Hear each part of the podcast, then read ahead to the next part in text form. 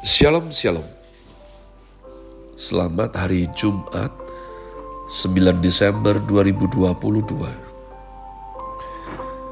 Saya pendeta Kaleb Hofer Bintor dalam anugerahnya Penuh sukacita sampaikan pesan Tuhan melalui Grace Words yakni suatu program renungan harian yang disusun dengan disiplin kami doakan dengan setia supaya makin dalam kita beroleh pengertian mengenai iman, pengharapan, dan kasih yang terkandung dalam Kristus Yesus. Sungguh besar kerinduan saya bagi saudara sekalian, agar supaya kasih dan kuasa firman Tuhan setiap hari tidak pernah berhenti menjamah hati, menggarap pola pikir dan paling utama hidup kita boleh sungguh berubah. Masih dalam season winter dengan tema bulan ini, Glorify the King through the Glorify the King through the church Sedangkan Grace Word hari ini kita mencapai Fatsal 12 Kitab Zakaria.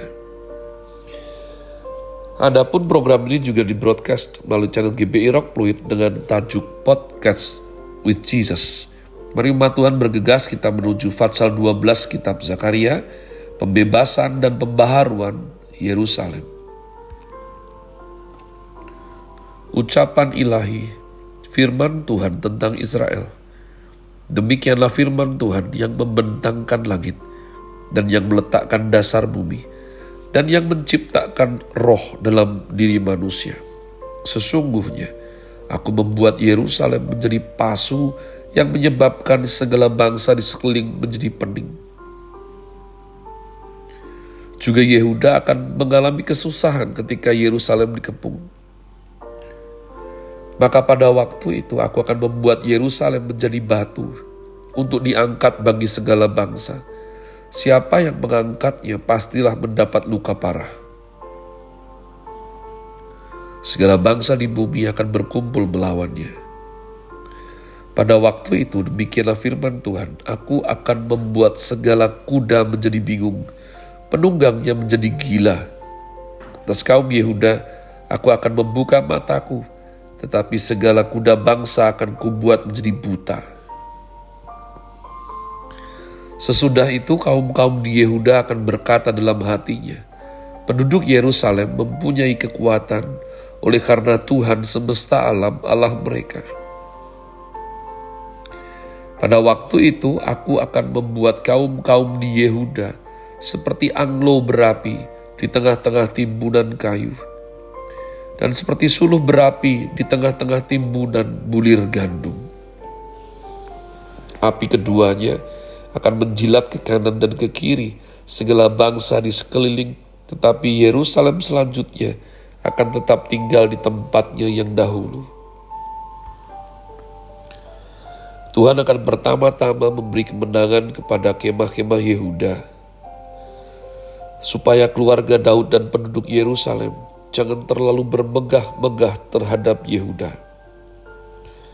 Pada waktu itu Tuhan akan melindungi penduduk Yerusalem dan orang yang tersandung di antara mereka pada waktu itu akan menjadi seperti Daud dan keluarga Daud akan menjadi seperti Allah, seperti malaikat Tuhan yang mengepalai mereka.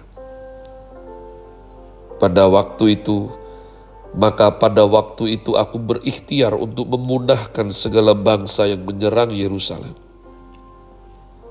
Ayat 10, ratapan atas dia yang tertikam. Aku akan mencurahkan roh pengasihan dan roh permohonan atas keluarga Daud dan atas penduduk Yerusalem, dan mereka akan memandang kepada dia yang telah mereka tikam dan akan meratapi dia seperti orang meratapi anak tunggal, dan akan menangisi dia dengan pedih, seperti orang menangisi anak sulung. Pada waktu itu, ratapan di Yerusalem akan sama besarnya dengan ratapan atas Hadad Rimon di lembah Megiddo. Negeri itu akan meratap setiap kaum keluarga tersendiri, kaum keluarga keturunan Daud tersendiri, dan istri mereka tersendiri, kaum keluarga keturunan Nathan tersendiri, dan istri mereka tersendiri, kaum keturunan keluarga Lewi tersendiri, dan istri mereka tersendiri, kaum keluarga Simei tersendiri, dan istri mereka tersendiri. Juga segala kaum keluarga yang masih tinggal, setiap kaum keluarga tersendiri, dan istri mereka tersendiri.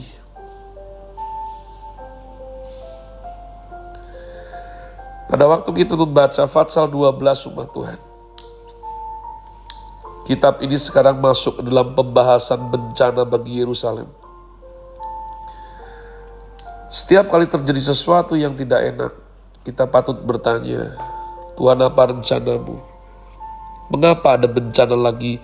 Bukankah di dalam bagian sebelumnya, dalam Fatsal 8, Tuhan telah berjanji akan memulihkan Israel. Ya, tetapi mengapa dalam pasal 12 terjadi kembali bencana-bencana bagi Yerusalem dan Israel? Kitab ini tidak memberitahukan alasannya. Kitab ini lebih memberikan fokus untuk menyatakan bagaimana Tuhan tetap menjaga Yerusalem dan Israel, sehingga setiap bangsa yang mengepung akan dihancurkan oleh Tuhan. Tuhan menyatakan penjagaannya dan perlindungannya bagi Yerusalem.